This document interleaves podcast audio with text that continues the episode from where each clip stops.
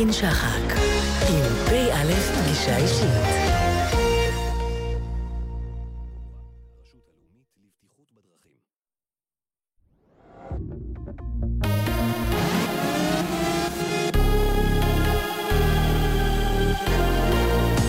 גלי צה"ל השעה שמונה, שבוע טוב ומועדים לשמחה, כאן אופק אלברט עם מה שקורה עכשיו. אירוע הדריסה בבריטניה, המשטרה המקומית חוזרת בה מההצהרה כי התקרית לא נחקרת כפיגוע טרור ומוסרת כי כל האפשרויות נבדקות. הערב מספר הולכי רגל נפצעו מפגיעת רכב שעלה למדרכה בסמוך למוזיאון ההיסטוריה של הטבע בלונדון. כתבתנו אינה אנטונוב מעדכנת כי הנהג הדורס נעצר במקום. ברוסיה, המשטרה המקומית עצרה לפחות עשרה מפגינים מטעם האופוזיציה במרכז סנט פטרבורג שמחו נגד פעילות הקרמלין. עד ראייה סיפר לסוכנות הידיעות רויטרס כי מאות מהמפגינים צעדו לעבר הרחוב הראשי של העיר. מוקדם יותר היום נעצרו כמאה אנשים בהפגנת הענק שהתקיימה ברחבי מוסקבה נגד הנשיא רוסיה פוטין, כמחה על מעצרו של מנהיג האופוזיציה אלכסיי נבלני. הרשויות מסרו כי רוב ההפגנות היו בלתי חוקיות משום שלא אושרו רשמית מראש. שני ישראלים נכנסו בשעות אחר הצהריים בשוגג לכפר עזון הסמוך לקלקיליה. לטענתם הם נשדדו באלימות והאזרחית נפצעה באורח קל. כוחות צה"ל הוקפצו למקום וכעת נערכות סריקות במטרה לאתר את החשודים. ילד כבן שבע נפצע בינוני מפגיעת רכב ברחוב העלייה בנס ציונה. חופשים ופרמדיקים של מד"א פינו אותו לבית החולים אסף הרופא. הישג מרשים לנבחרת ישראל בג'ודו, הג'ודוקה הישראלי שגיא מוקי זכה במדליית זהב בגרנד פי טשקנט, לאחר שגבר על יריב מונגולי בגמר עד 81 קילוגרמים. כתבנו אופיר יונתן מוסר כי זו המדליה השלישית לנבחרת ישראל בגרנד פרי היוקרתי. תחזית מזג האוויר, היום ומחר תורגש עלייה קלה בטמפרטורות, בשני התקררות ניכרת עם גשם מקומי בצפון ובמרכז. ובעקבות מזג האוויר החמים, 150 אלף מבקרים פקדו היום את שמורות הטבע והגנים הלאומיים. עומסים דווחו בתל דן, בניאס, חורשה טל, אכזיב, ירקון, מצדה ועין גדי. כ-20 אלף משפחות בחרו ללון בחניוני הלילה של רשות הטבע והגנים, וכ-40 אלף מטיילים פקדו את תחנות המידע בגנים ובשמורות הפתוחים, ביניהם הר מירון, מונפורט בצפון, מכתש רמון, הר הנגב והערבה בדרום, עין מבוע ביהודה ושומרון ומערת התאומים במרכז. אלה החדשות שעורך אייל שוואח.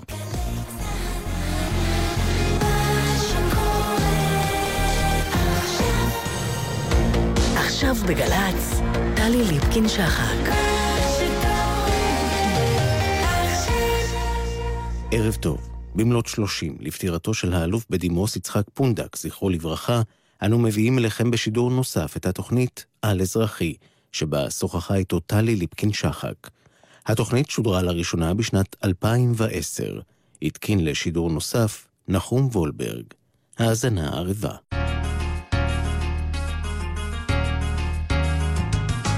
על אזרחי, טלי ליפקין שחק בשיחה אישית עם מפקדים לשעבר על השירות, הפרישה והחיים שאחרי המדים.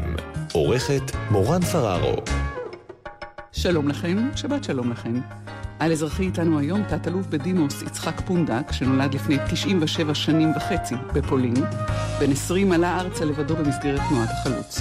הוא הגיע למושבה מגדיאל ושם התגייס להגנה, ומאז ולמשך יובל שנים ויותר היה קשור לעשייה הביטחונית, הן במסגרת ההגנה והן במסגרת צה"ל, משרד הביטחון, השירות הדיפלומטי והסוכנות היהודית. אחרי קורס מ"כים וקורס מ"מים של ההגנה היה מפקד הנוער של הגנה בתל אביב, מדריך בג'וארה ומפקד נפת דרום. בשנת 1947 קיבל את הפיקוד על גדוד 53 של חטיבת גבעתי, בראשו עמד במלחמת העצמאות במערכה לבלימת המצרים בגזרת ניצנים, מערכה שבסיומה נפל הקיבוץ בידי האויב, חבריו והלוחמים הלכו לשבי, ומחלוקת גדולה שתלווה את יצחק פונדק ותצל על כל ימיו, התלקחה סביב סוגיית ניהול המערכה ההיא. אחר כך, וחרף זאת, ומשהמשיך גדודו של יצחק פונדק בלחימה ורשם הישגים, קיבל פונדק את הפיקוד על חטיבת תשע, חטיבת עודד ששחררה את הגליל העליון במסגרת מבצע חירם, ובהמשך את הפיקוד על חטיבת עציוני, היא חטיבה שש הירושלמית. בשנת 1951 התמנה מפקדו הראשון של הנחל, שנה אחר כך נסע להשתלם במשך שנה בקורס שריון מתקדם בצרפת, וחזר להקים את מפקדת גייסות השריון. בראשה עמד עד 1957, שאז נסע ללימודים באוניברסיטת קולומביה, ועם שובו פרש ב-1959 מצה"ל, אך לא משירות המדינה.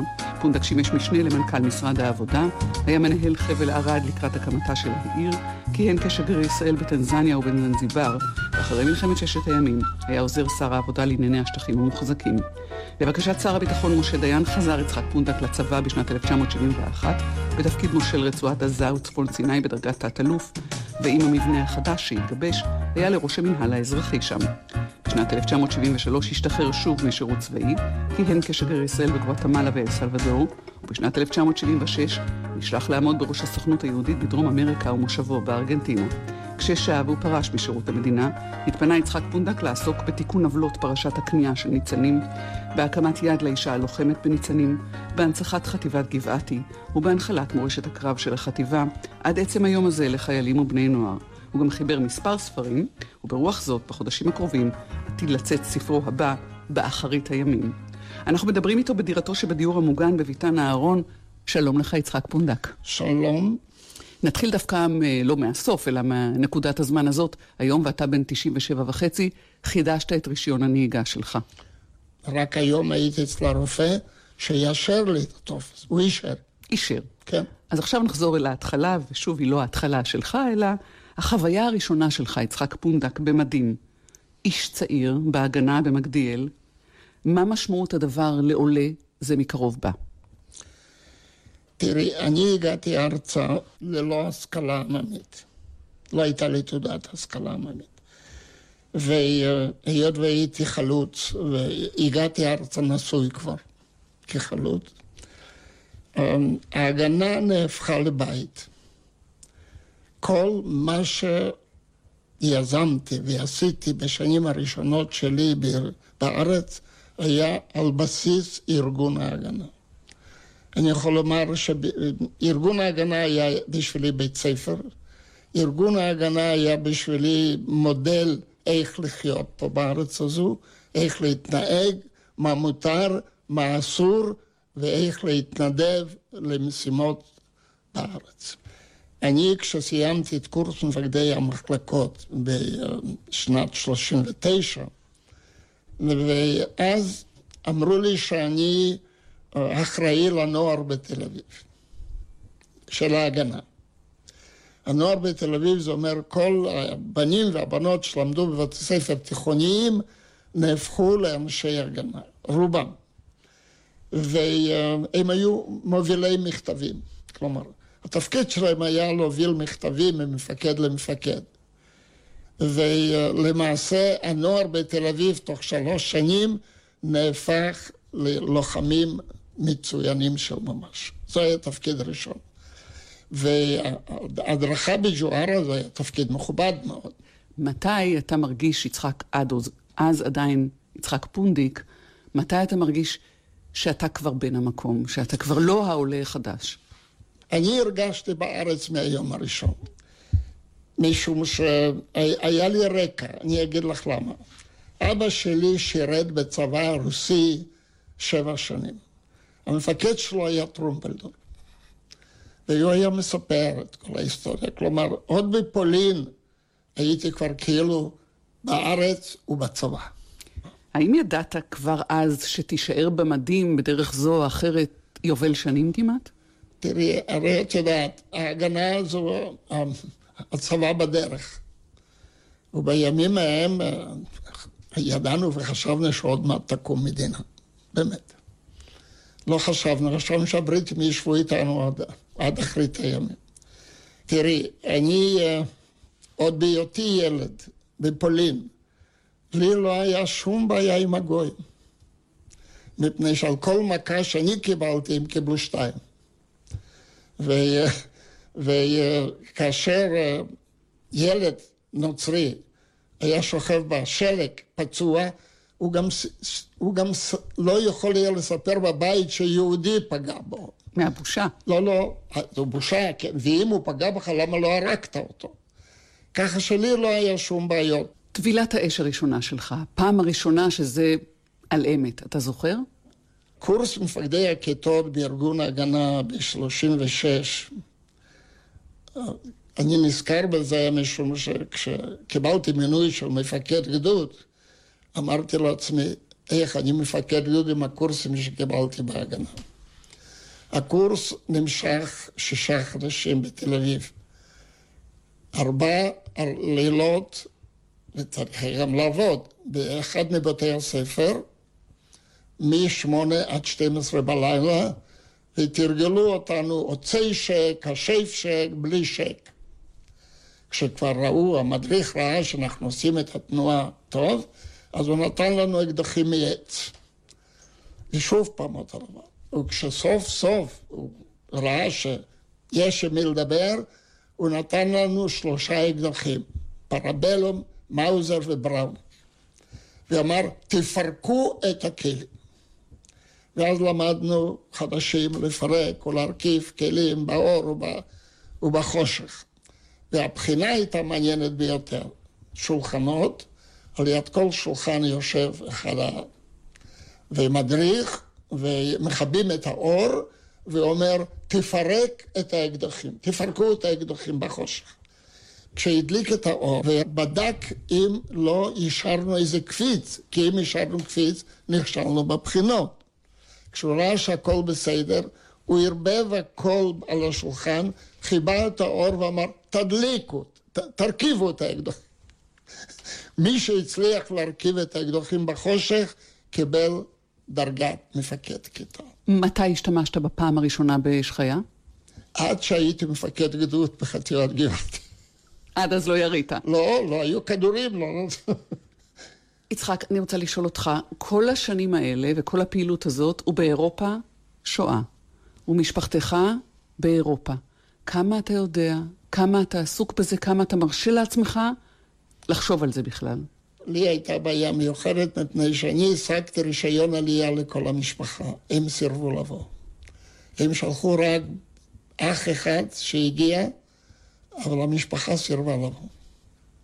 האמא אמרה, מה, לא יקרה לנו שום דבר בפולין. נשארו, הם ישמדו כולם.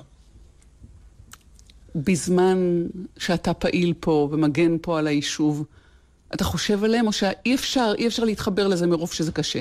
תראה, אני לא חושב שהיה לי זמן לחשוב. ביקשת, יצחק פונדק, לשמוע את אה, שושנה דמארי שרה כלניות. כן. נשמע ונחזור. הערב בא, שקיעה בהר יוקדת, אני חולמת לראות עיניי, הגיא הנערה קטנה יורדת, ובאש עניות לוהט הגיא. את הפרחים לצרור ייתן לקט לה, ובשירים המתכסים בטל, אמא היא נחפשת וקוראת לה, הביטי מה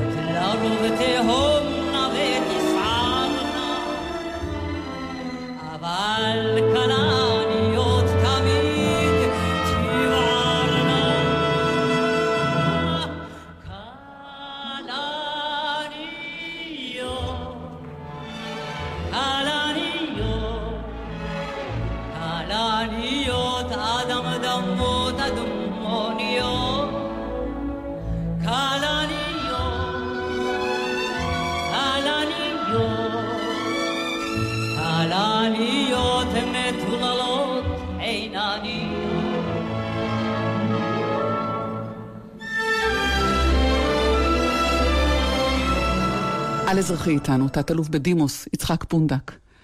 מלחמת העצמאות, ההכנות, מתי אתה מבין באמת שמדובר במלחמה ומרגיש שאתם מוכנים אליה?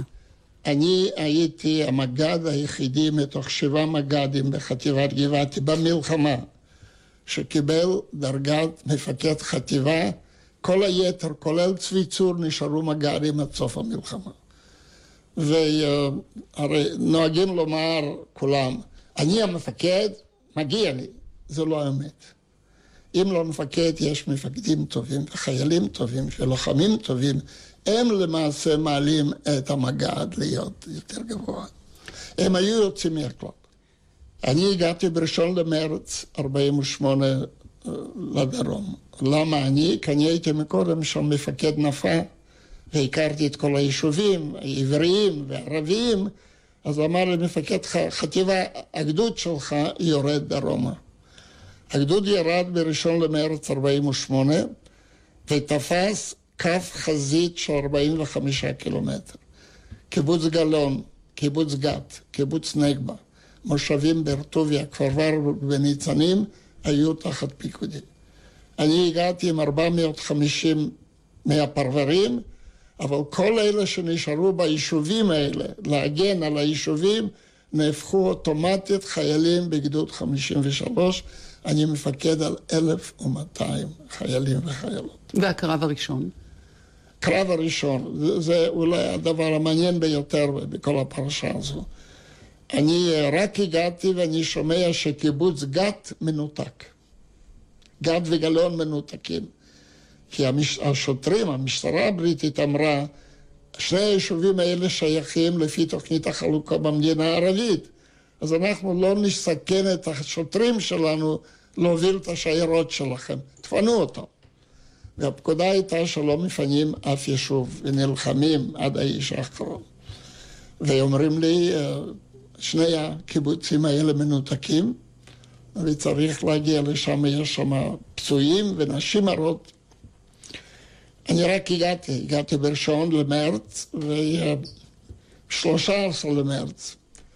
אני יוצא בראש שיירה של 12 כלי רכב משוריינים להגיע דרך ארבעה כפרים ערביים לגד ולגלון. אני מגיע לנגבה לפנות ערב, מקבל תדרוך, כי לא היו לנו שום מודיעין מה שנעשה, ולפני שיצאתי קיבלתי שתי פקודות. דבר ראשון, אם אתה נכנס לכפר ערבי ולא יורים עליך, אתה מפזר כרוזים. אם יורים עליך, אתה מפוצץ בתים. אז הצטיידנו עם עשרים ילקוטים עם חומר נפט על כל מקרה שיבוא. לפני היציאה אומר למפקד החטיבה, יש לי בשבילך משהו יוצא מהכלל. ניתן לך מכשיר קשר אחד, מעליך יטוס פייפר, והוא ידווח לך מה בכפרים הערביים שאתה צריך לעבור. איזה יופי.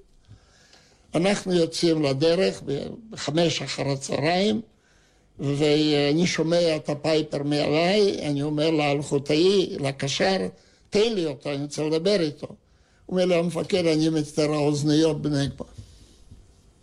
אין קשר. יש לי אוזניות, יש לי אווירון מעליי, שום דבר. ואני עובר כפר אחד, לא יורים, עובר כפר שני, לא יורים, איזה תענוג. זה יהיה טיול. אנחנו מגיעים לעיירה בשם פלוג'ה, או פלוגות היום.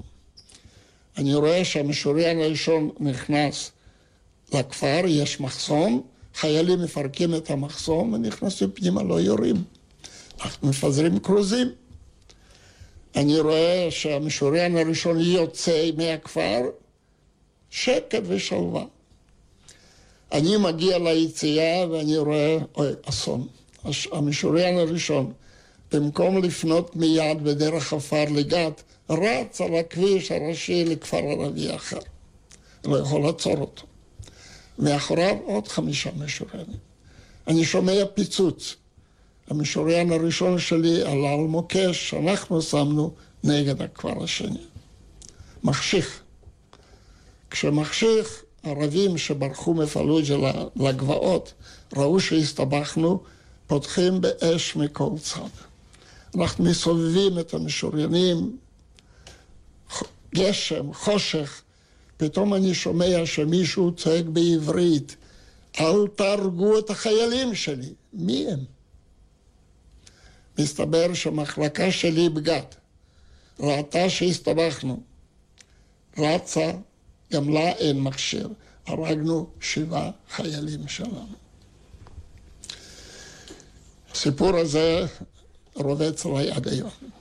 כמפקד גדוד, אני כבר לא מדבר על, על התפקידים האחרים, אני עדיין, יש רובצות עליי, שני קרבות רובצים עליי.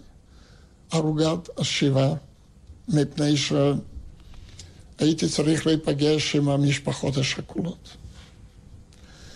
וביוני 48' בהפוגה זימנתי את שבע המשפחות השכולות לגת.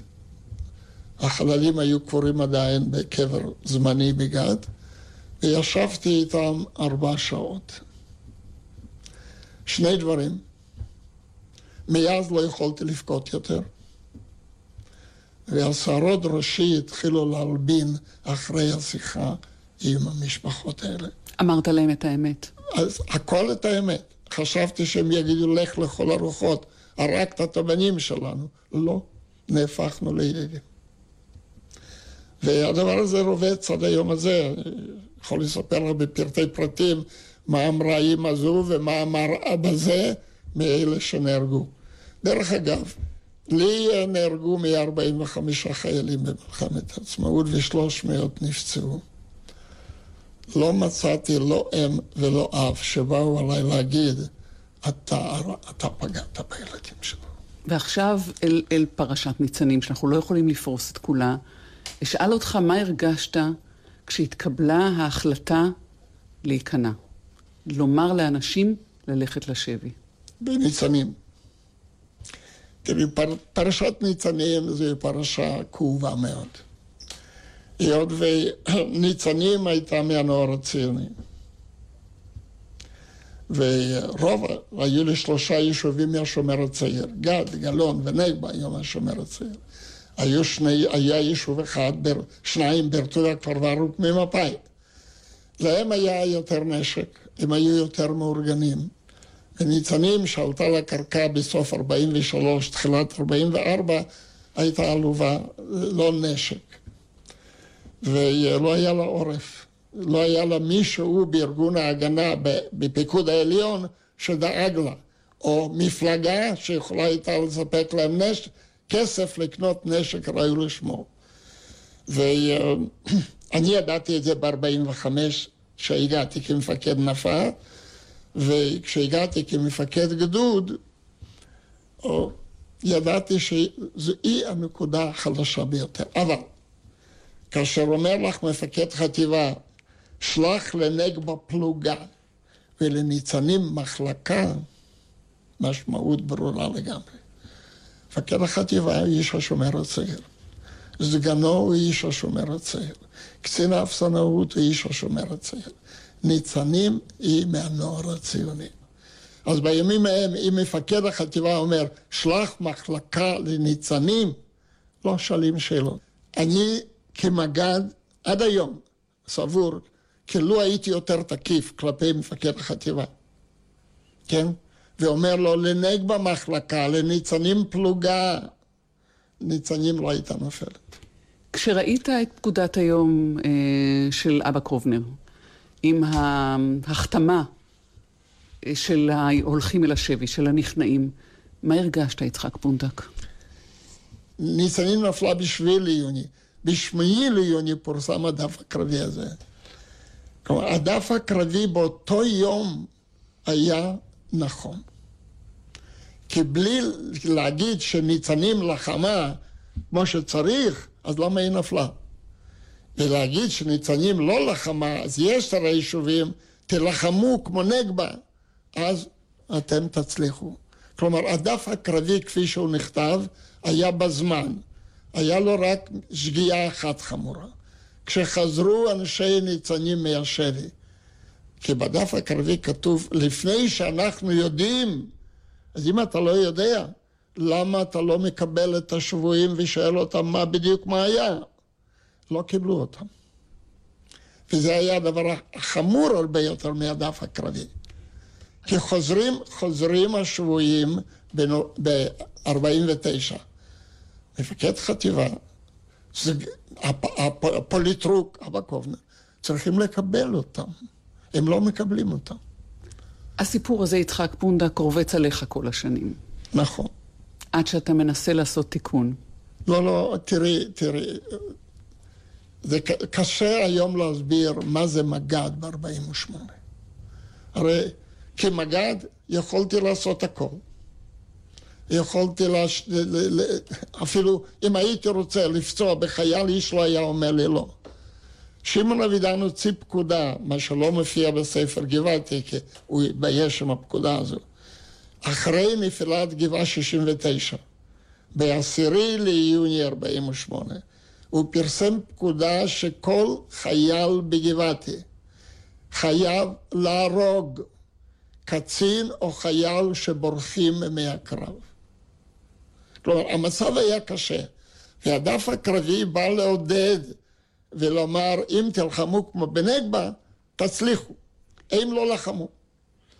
אבל השגיאה החמורה של החטיבה בקשר לדף הקרבי של אבא קובנר ומפקד החטיבה, לקבל את השבויים,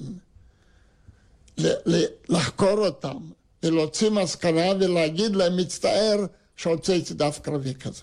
כי אני טיפלתי בהם. אני קיבלתי את השבויים, אני חקרתי אותם. אני יצאתי, הגעתי למסקנה שהם לחמו בגבורה מארבע בבוקר עד ארבע אחר הצהריים. ואתה קשור לניצנים עד היום. אשתי קבורה בניצנים על יד קבר, הרי לא קברו את, כשהם חזרו מהשבי, מה הם מצאו? הם מצאו גולגלות ועצמות, המצרים לא קברו את ההרוגים, וקברו אותם בקבר אחים. על יד קבר האחים הזה, על יד הגדר, אשתי וחלקת הקבר שלי. אתה תחזור לניצנים בבוא יומך. כן, ביקשת, יצחק פונדק, לשמוע את בלד הלחובש. טוב, נשמע. נשמע ונחזור. הם התקדמו לאט, הכל היה רגוע, מנגד הנהר, וגומה מרשרש, פתאום רעם ברק, אחד צעק פצוע, אני כבר בא, ענה לו החובש. עלינו על מוקש, צעק אז הפצוע, אני כאן לצדך, ענה לו החובש. ברד של אש ניתח, ברד כבד קטוע, מעבר לנהר, לגומה הרוכש, השאיר אותי כאן. ביקש אז הפצוע, עזוב שטויות, ענה לו החובש. תציל את עצמך, ביקש אז הפצוע, אני נשאר איתך, ענה לו החובש. והם נותרו שניהם, והשדה פתוח, והם נותרו שניהם, והם גלויים לאש. אנחנו אבודים, מלמל אז הפצוע, אחוז בי טוב, ענה לו החובש. נפצעת גם אתה, מלמל אז הפצוע, עזוב, זה לא נורא, ענה לו החובש. על אזרחי איתנו, תת-אלוף בדימוס, יצחק פונדק. אחרי המלחמה, 1951, אתה מתמנה מפקד הנחל. מה הרעיון, מה החזון? בקצרה. תראי, קרא לי בן גוריון ואמר לי כך: אין לנו תקציב להחזיק צבא יותר מחטיבה אחת. תקציב ביטחון. ויש לנו עולים חדשים, שבאים, צריך מישהו שיכנה, כן? יעשה אותם ישראלים. לכן אנחנו מקימים מסגרת חדשה שנקראת נחל נוער חלוצי לוחם. יהיו אלה מהגרעינים שיחנכו, ידריכו את העולים החדשים. אתה המפקד. אמרתי, למה אני? אני לא מהקיבוץ, אני לא מהמושב. אתה תקים את הנחל רק שנתיים, אחר כך יש לי תפקיד אחר בשבילך, שריון. כל הקצונה הבכירה של צה"ל מתנגדת לנחל, כי אנחנו לוקחים את מיטב הנוער. תוך שנתיים היו שישה גדודי נחל, ומשרד הביטחון בנה מח... מחנות ביישובים, ומחלקות הנחל עברו לעבוד שישה חודשים בקיבוץ או במושב, ואחר כך הם קיבלו שוב פעם מימונים. אה, זה, זה, תראי, אם אה, אגיד לך, לפני לא מזמן אני פגשתי שלוש קצינות עם סמל הנחל. אחת זה גן אלוף ושתיים רב, רבי סרן. קראתי לסגן אלוף, אמר, תגיד לי, מה זה נחל? אני לא יודע. נחל זה חטיבה בצה"ל. אמרתי, אבל למה נחל? מה זה נחל? הם לא יודעים שום דבר על היחידה שלהם. אחר כך אתה נוסע, אתה חוזר, אתה מתמנה, אתה מקים את גיסות השריון. יש לך שם תמונה, מה היה ב... בשריון ב-54, למעלה למעלה. זה הכל מה שהיה. עכשיו, השריון הזה, כשאני פעמיים נסעתי ביום העצמאות, בראש השריון, ומחאו לי כפיים. אמרתי, לא הייתם יודעים מה יש לי, לא הייתם מוחאים לי כפיים. כמעט ולא היו מסוגלים לראות. אם הם היו פוגעים 50 מטר מהמטרה, כולם צעקו בול. זה הגרוטאות שאספו מכל מיני מקומות והרכיבו מפה ומשם. היו קנים סתומים בפלסטלינה. אבל בחוץ עושים טנקים, אה? אז מחאו כפיים. עכשיו, אה, היה ויכוח. דיין אמר, שמור על הטנקים. אני אמרתי, הם לא שווים שום דבר. אז נכין צוותים. כשנקבל טנקים, לא נצטרך עוד שנה וחצי להכין צוותים, הכנו צוותים לשתיים וחצי חטיבות שריון. לפני ששת הימים, כשהצרפתים נתנו לנו טנקים ושריון, רק צריך היה להגיע לים, לאונייה, להיכנס לרכב, ויש. אחרי התפקיד הזה, אתה פורש על רקע חילוקי דעות אה, בלתי פתירים עם חיים לסקוב. בצער אתה עוזב את הצבא? תראי, אני uh, הייתי בין הקצינים הראשונים בצה"ל. צה"ל היה שולח אלופי משנה לשנה וחצי לארצות הברית, לקולומביה. שומע חופשי. אז זה ממנו מהחיים. שומע חופשי, לא חייב בחינות, לא חייב תעודת גמר. לפני שאני יצאתי, אני אמרתי למשה דיין, בתנאי, שלוש שנים אני חוזר עם תעודה. אז הוא אמר, זה עולה הרבה כסף. אמרתי, אל תיתן לי משכורת. תנו לי חצי יום עבודה, אני אתפרנס לבד. תוך שלוש שנים עשיתי תשעה סמסטרים. חזרתי עם תעודה MBA היא פה על הקיר. אחריי, כבר כל הקצינים שנסעו לארה"ב, לקולומביה, היו חייבים לחזור עם תעודה. טוב, אני חוזר מהרמטכ"ל חיים לסקוב. אבל פה אני חייב לספר לך סיפור. הוא היה עוזרו של משה דיין, כשהייתי בשריון. וידעו שאני יוצא כבר לארצות הברית ללמוד, וזה בערך היה שלושה חודשים לפני מבצע סיני. הוא בא לבקר אצלי. הנה השיחה עם חיים לסקוב. הוא אלוף, ואני אלוף משנה, כי לא נתנו לי את הדרגה.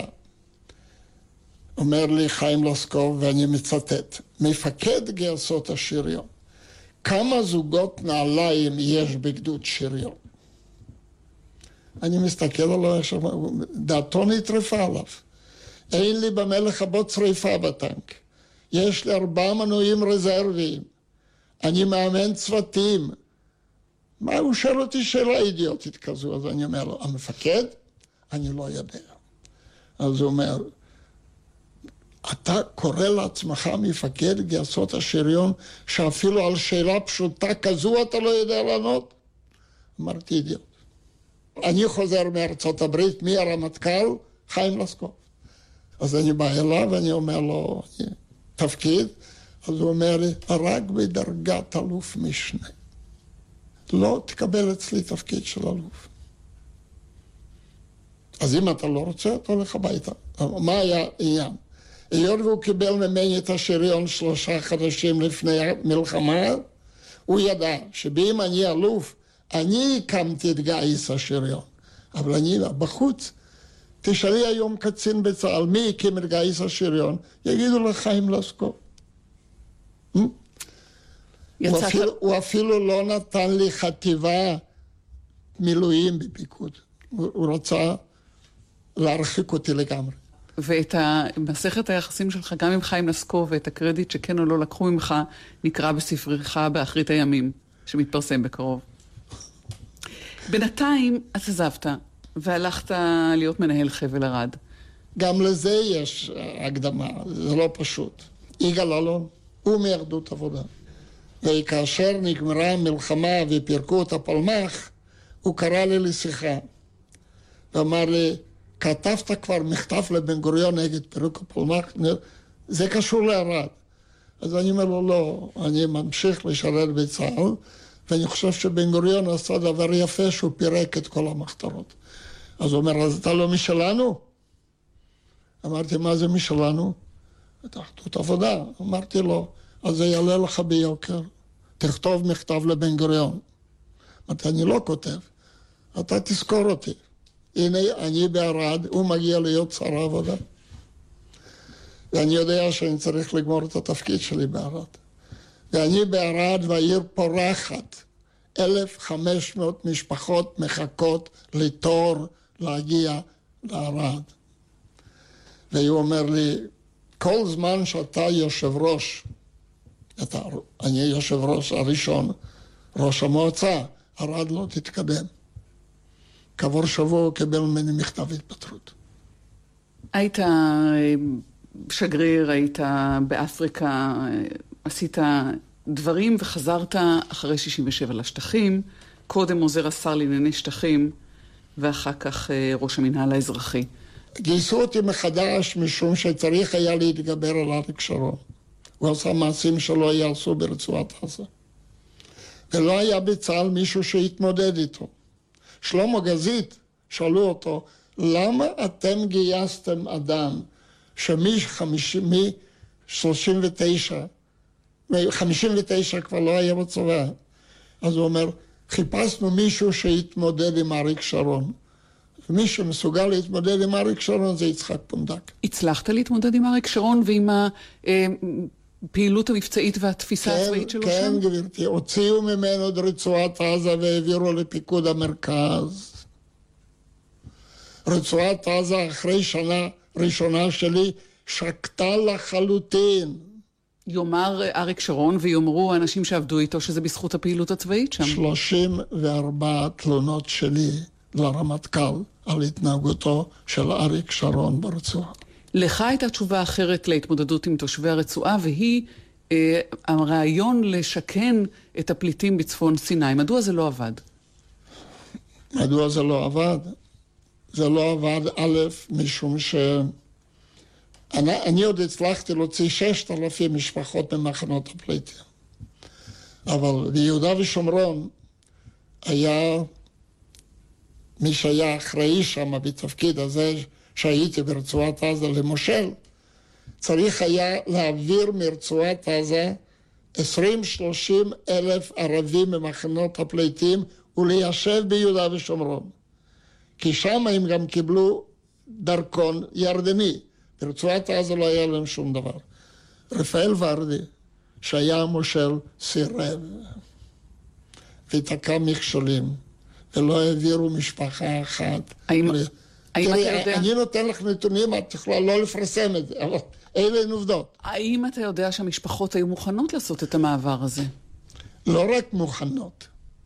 כאשר אנחנו היינו נכנסים לפלוג'ה ואומרים לתושבים, בעוד 48 שעות אנחנו מפנים פה 500 משפחות, הם שמחו, כי הכנתי להם דיור, הכנתי להם עבודה, הכנתי להם את הכל. לא רק זה, בנסיעה ממני לאל-עריש היה להם אוכל בשפע לכל המשפחה. הם רצו בזה, כי מחנות הפליטים היה דבר נוראי. אתה רואה בזה החמצה גדולה?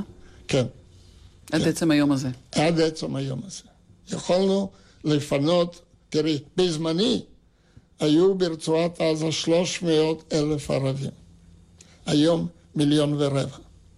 תראי, אני רוצה להגיד לך משהו. אנחנו בשנת 72 לא ביצענו דבר שיכולים היו להיות היום שתי מדינות, ירדן וישראל. כי את מכירה את זה? המלך חוסיין רצה לחלק את יהודה ושומרון בינינו לבין ירדן. ואז יש שתי מדינות, ירדן וישראל, ואין פלסטינה. מי התנגד? הרמטכ"לים, הרמטכ"ל שלנו, הגנרלים שלנו, אמרו, הם יבואו אחרי ששת הימים על הברכיים אלינו. והיה שם רופא, דוקטור חיידר עבד אל-שאפי. הייתי בידידות איתו, אחרי שבשלוש שיחות איתי הוא לא שתה את הקפה אצלי במשרד. התיידדנו. לפני שעזבתי, הוא אומר לי, הוא עשה לי מסיבה גדולה אצלו בבית. שלעשות מסיבה גדולה למושל, תביני. ובסוף הוא אומר, הוא רוצה לדבר איתי. בחדר אחר נכנסנו והוא אומר לי, תמסור לגולדה, לראש הממשלה, שיש לכם שתי אפשרויות. אחת, תצאו מפה, תנו לנו להקים מסגרת שלנו ונעשה שלום. אני אומר, את זה כבר הצעתי לה כמה פעמים, הם לא רוצים לשמוע. מה הדבר השני? תגיד לו שאנחנו רוצים דרכון ישראלי. אמרתי, אתה? הוא אומר, תגיד לה, אנחנו ננצח אתכם במיטה. אני מצטט, תגיד לה, היום מיליון ורבע ברצועת עזה. ביקשת לשמוע את ירושלים של זהב, נעשה אתנחתא, נשמע ונחזור. אוויר הרים צלול כיין, בריח נישא ברוח הארבעים עם כל פעמונים. ובתרדמת אילן באבן, שבויה בחלומה. העיר אשר בדת יושבת ובליבה חומה. ירושלים של זהב ושל נחושת ושל אור,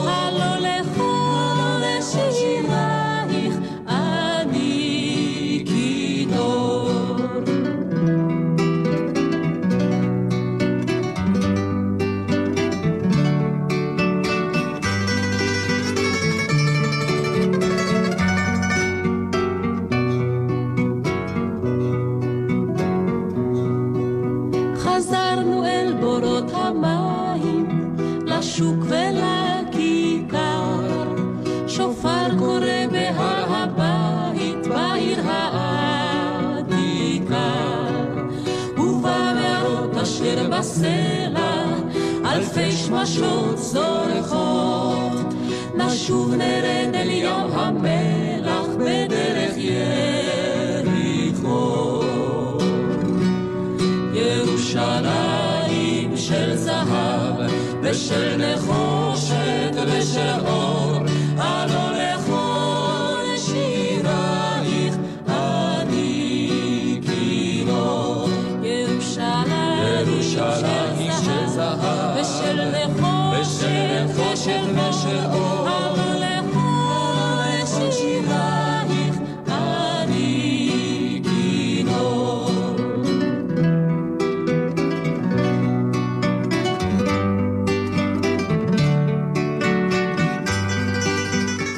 אזרחי איתנו, תת-אלוף בדימוס, יצחק פונדק. ב-73 עזבת שוב את המערכת הביטחונית. כן. חזרת לשירות הדיפלומטי, וגם אחר כך נסעת להיות אה, ראש הסוכנות היהודית בדרום אמריקה, התיישבת בארגנטינה. תמונה משם, יצחק פונדק. תראי, אה, עוד דבר אחד ממרכז אמריקה, דקה. מי שר החוץ? יגאל אלון. ואני עושה בגואטמלה וסלבדור עבודה, הרי איך הגעתי עוד פעם להיות שגריר? בגואטמלה הרגו את השגריר הגרמני ואת השגריר האמריקאי, והשגריר הישראלי ברח מגואטמלה. הורגים אותו, הולכים להורג אותו. ואז במשרד החוץ לא היה להם מועמד לגואטמלה. אז הם נזכרו, או, היה אחד בטנזניה, לפני אליו. אשתי, אני הסכמנו לנסוע לשם. ומי בא להיות שר חוץ? יגאל אלון. אני נשיא גואטמלה ביחסים כאלה שהאווירון הפרטי שלו עומד לרשותי. לאן שאתה רוצה לטוס? אני גומר שנתיים, והנשיא עושה לנו, עושה לי, לאשתי ולי ארוחת ערב אצלו בבית, זה לא מקובל. עם עוד חמש זוגות, חמישה זוגות של, של מהשלטון. בסוף הוא אומר לי, יש לי משהו לדבר איתך. אנחנו יוצאים לחדר אחר והוא אומר לי, לא אוהבים אותך בירושלים. אני אומר, למה? הוא אומר, ביקשנו מהם להשאיר אותך לעוד שנתיים. בדרך כלל, כשמדינה מבקשת להשאיר שגריר, אוטומטית אמרו לנו, לא, אתה חוזר הביתה. מי, למה? יגאל אלון, שר החוץ.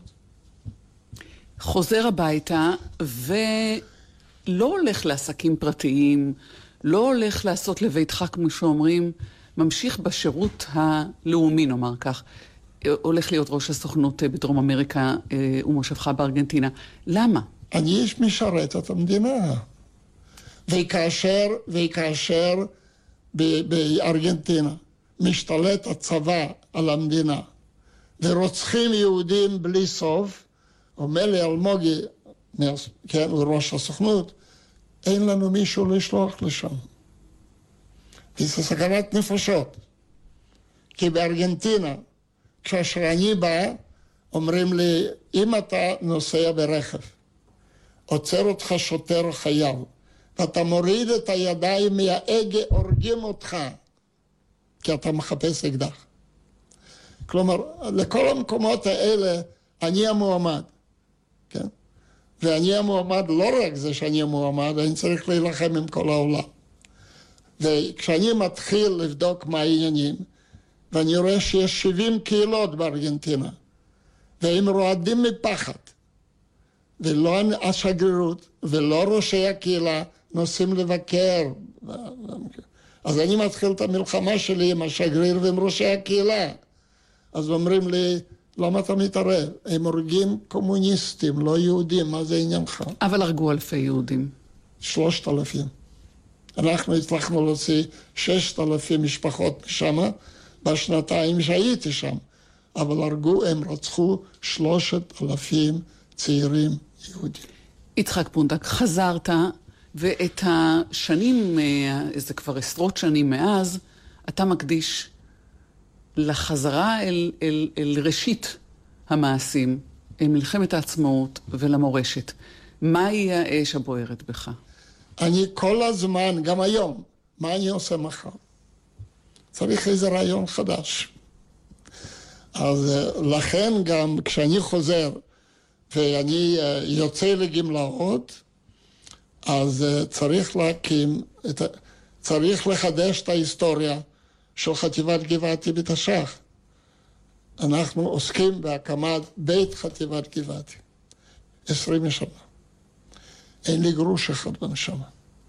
אני נוסע לארצות הברית, מגלה שם את כל מי ששירת בגבעתי, הוא משיג 280 אלף דולר. מהיהודים האלה. אתה עוקב אחרי אה, חטיבת גבעתי של הימים האלה, גם אחרי הפרשות הכרוכות אה, בהתנהגות לא נאותה בעופרת יצוקה ובשטחים. יש לך יחס לזה? יש לך מה לומר על כך? תראי, ברור שיש לי, אבל אני אספר לך סיפור. כשרק קמה חטיבת גבעתי מחדש ב-82, אני הלכתי למפקד החטיבה ואני אמרתי לו, תראה, כל פלוגה חדשה שבאה איתי ליומיים מורשת. יפה. אחת, שנה אחת, שנה שנייה, שנה שלישית, הכל הולך בסדר. ואז בא אלוף חדש, הוא אומר, מה זה, מה זה מורשת? לא צריך את זה. מבטל את כל העניין הזה. אין יותר מורשת. אני יוצא לי ימי מורשת. בואי אספר לך סיפור קלאסי. לפני שנה מתקשר אליי מפקד כפיר, חטיבת כפיר, ואומר לי ככה, שמענו את ההרצאה שלך לפני כמה חודשים, כל הקצונה הבכירה של זה. אתה יכול לעזור לנו? אני אומר, אני? מה אני? הוא אומר, יש לנו 45 סמלים שצריכים לצאת לקורס קצינים. אז הם אומרים, אז מה יהיה לנו מזה? אז כמה אני ארוויח? אתה יכול לעשות משהו? הוא אמר, תן לי אותם ליום אחד. כל קורס כרגע של כפיר שעומד לצאת, חייב להיות יום אחד איתי. יפה מאוד. ויש... לא רק זה, יש פה, אז מה? קרקל למטה, גדוד קרקל, קרקל. גם איתם. אז יש לי פרנסה פה, זאת אומרת, אם אומרים פה, אתה לא יושב פה בכלל. ויש את הדבר הזה שאתה עדיין זוכר את המלחמות, את החשבונות, את המחלוקות. זה גם ייכנס לספר שאתה כותב. אה, לא הגיע הזמן להשאיר את זה מאחור? תראי, את רוצה סיפורים מגיל ארבע? לא. אני לא. רוצה לשאול אם לא לא, לא. הגיע הזמן להניח מאחור. כל זמן שאני יכול, והמוח שלי תקין לחלוטין. הרופא שביקשתי ממנו היום לחדש לי את הרישיון, אומר לי ככה, אתה יודע למה שאני חותם לך?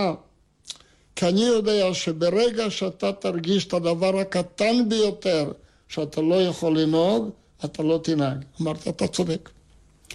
והסוד אה, לחיים הבריאים והארוכים האלה, יצחק פונדק? אני פעיל כל הזמן. אני, תראי, ראשית, אני בריא לגמרי, אין לי שום בעיות. קצת אולי לא שומע מאה אחוז, אבל... אה, ואני ממשיך. וכל זמן שאני ממשיך, זה הולך. ביקשת, ועם זה ניפרד, יצחק פונדק, לשמוע את האמיני יום יבוא. יש לי במכונית שלי קלטות של 60 שירי עם ישראלים. כשאני רק נכנס למכונית, את יכולה לשמוע מוזיקה אצלי. זה הכל שירי ים, לא שומע שום דבר אחר. וכשאני נכנס למכונית שבה, הצבא בא לקחת אותי, ואני שומע מה מנגן אצלו, ואני אומר לו, "מה- מה, אתה שומע? מה זה האמיני יום יבוא?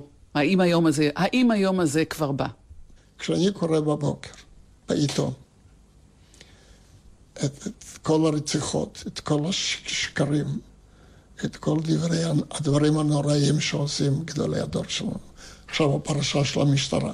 מקודם הפרשה של צה"ל, חלש לי על הלב. אז עוד לא בא היום? לא, לא, תראי, אני פעם אמרתי בכנס של, של דרגות בכירות של צה"ל, אמרתי, לו החי... 145 החיילים שלי היו קמים לתחייה ורואים את המדינה היום, הם היו רצים לקבר. אבל, אבל, אז אומרים לי, מה אני אומר, רגע אחד, יש גם חצי כוס מלאה, אל תסתכלו על הדברים האלה. הקמנו מדינה נהדרת, כלכלה נהדרת, תרבות, חינוך, מדע, צבא. בואו נדבר על זה, נעזוב את הדברים האחרים. תת-אלוף, כן. בדימוס, יצחק פונדק, תודה רבה שדיברת. איתנו. תודה רבה גם למורן פררו שערכה איתי והפיקה, ולרפי קופפר שבא איתנו לכאן אה, אה, להקליט את השיחה הזאת. כמובן לכם שמאזינים לנו. אני טלי ליפקין שחק, היו שלום. היום אחות היא מלחמתנו, לכן רחוק אני מכאן. החוק גינה את פגישתנו במטבחנו הכתום. האזנתם לתוכנית על אזרחי, שבה שוחחה טלי ליפקין-שחק עם האלוף בדימוס יצחק פונדק, זכרו לברכה, במלאת 30 לפטירתו. התקין לשידור נחום וולבר. המשך ערב טוב.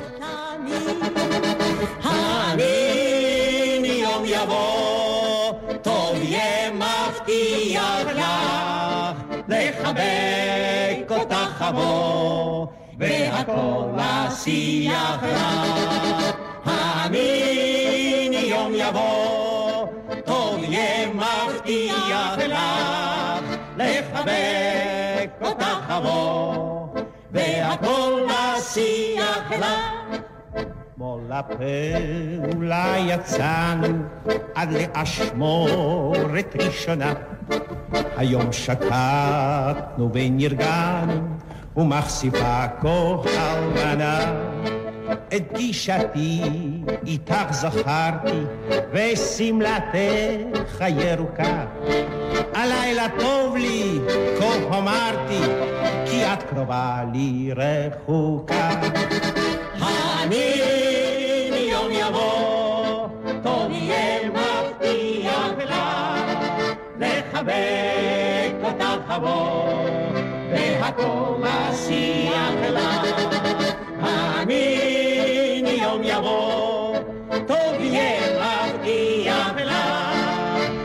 לחבק אותך אבוא, והכל אשיח לך. שנופחים פיות הסטנים המרגמות נאנחות, אז מחשבתי תעבירני אלייך ריה ויחות. ואז אדע, לקרב יש טעם, אף כי המחיר יקר מאוד. בכדי שיום יבוא אי פעם, נוכל לנשום פה ולחיות. אני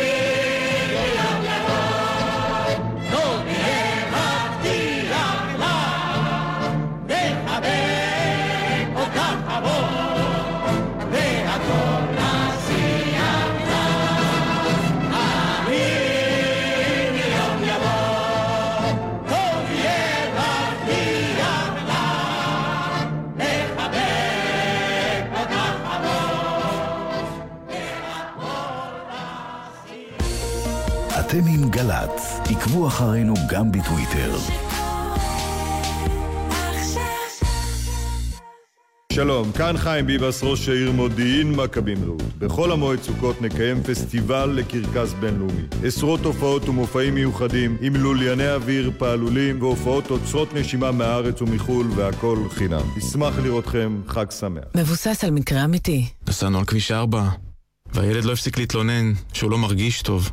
אז החלטתי לעצור לרגע בצד, יצאתי מהרכב, ואז... בכל שנה נהרגים או נפצעים קשה עשרות נהגים ונוסעים ברכב ובסביבתו כתוצאה מעצירה בשוליים. בואו נעצור את זה כאן. לא עוצרים בשולי הדרך, אלא במקרה של תקלה שאינה מאפשרת המשך נסיעה. נלחמים על החיים. הרשות הלאומית לבטיחות בדרכים. ביום הזיכרון, גל"צ במשטר ההנצחה המרכזי, אלה האחים שלי. חיילים מלחינים ומבצעים שירי נופלים. חיילים בשירות החובה או בקבע, המעוניינים להלחין ולבצע שירים שכתבו חללי צה"ל, מוזמנים להירשם עכשיו בדף הפייסבוק של גלי צה"ל או באתר. אולי הם מחייכים שם למעלה, רגועים. ההרשמה נסגרת ב-22 באוקטובר. אלה האחים שלי. יום הזיכרון לחללי מערכות ישראל ופעולות האיבה. חיל האוויר, לקבלת גיא ויעל, נא לי מטח להקשב. שתיים, שלוש. הקשב, מגזין החיילים של גלי צה"ל וגיא ויהל יורדים לשטח עם חיילי חיל האוויר בבית הספר להגנה אווירית. שני, תשע בערב, חול המועד סוכות בגלי צה"ל.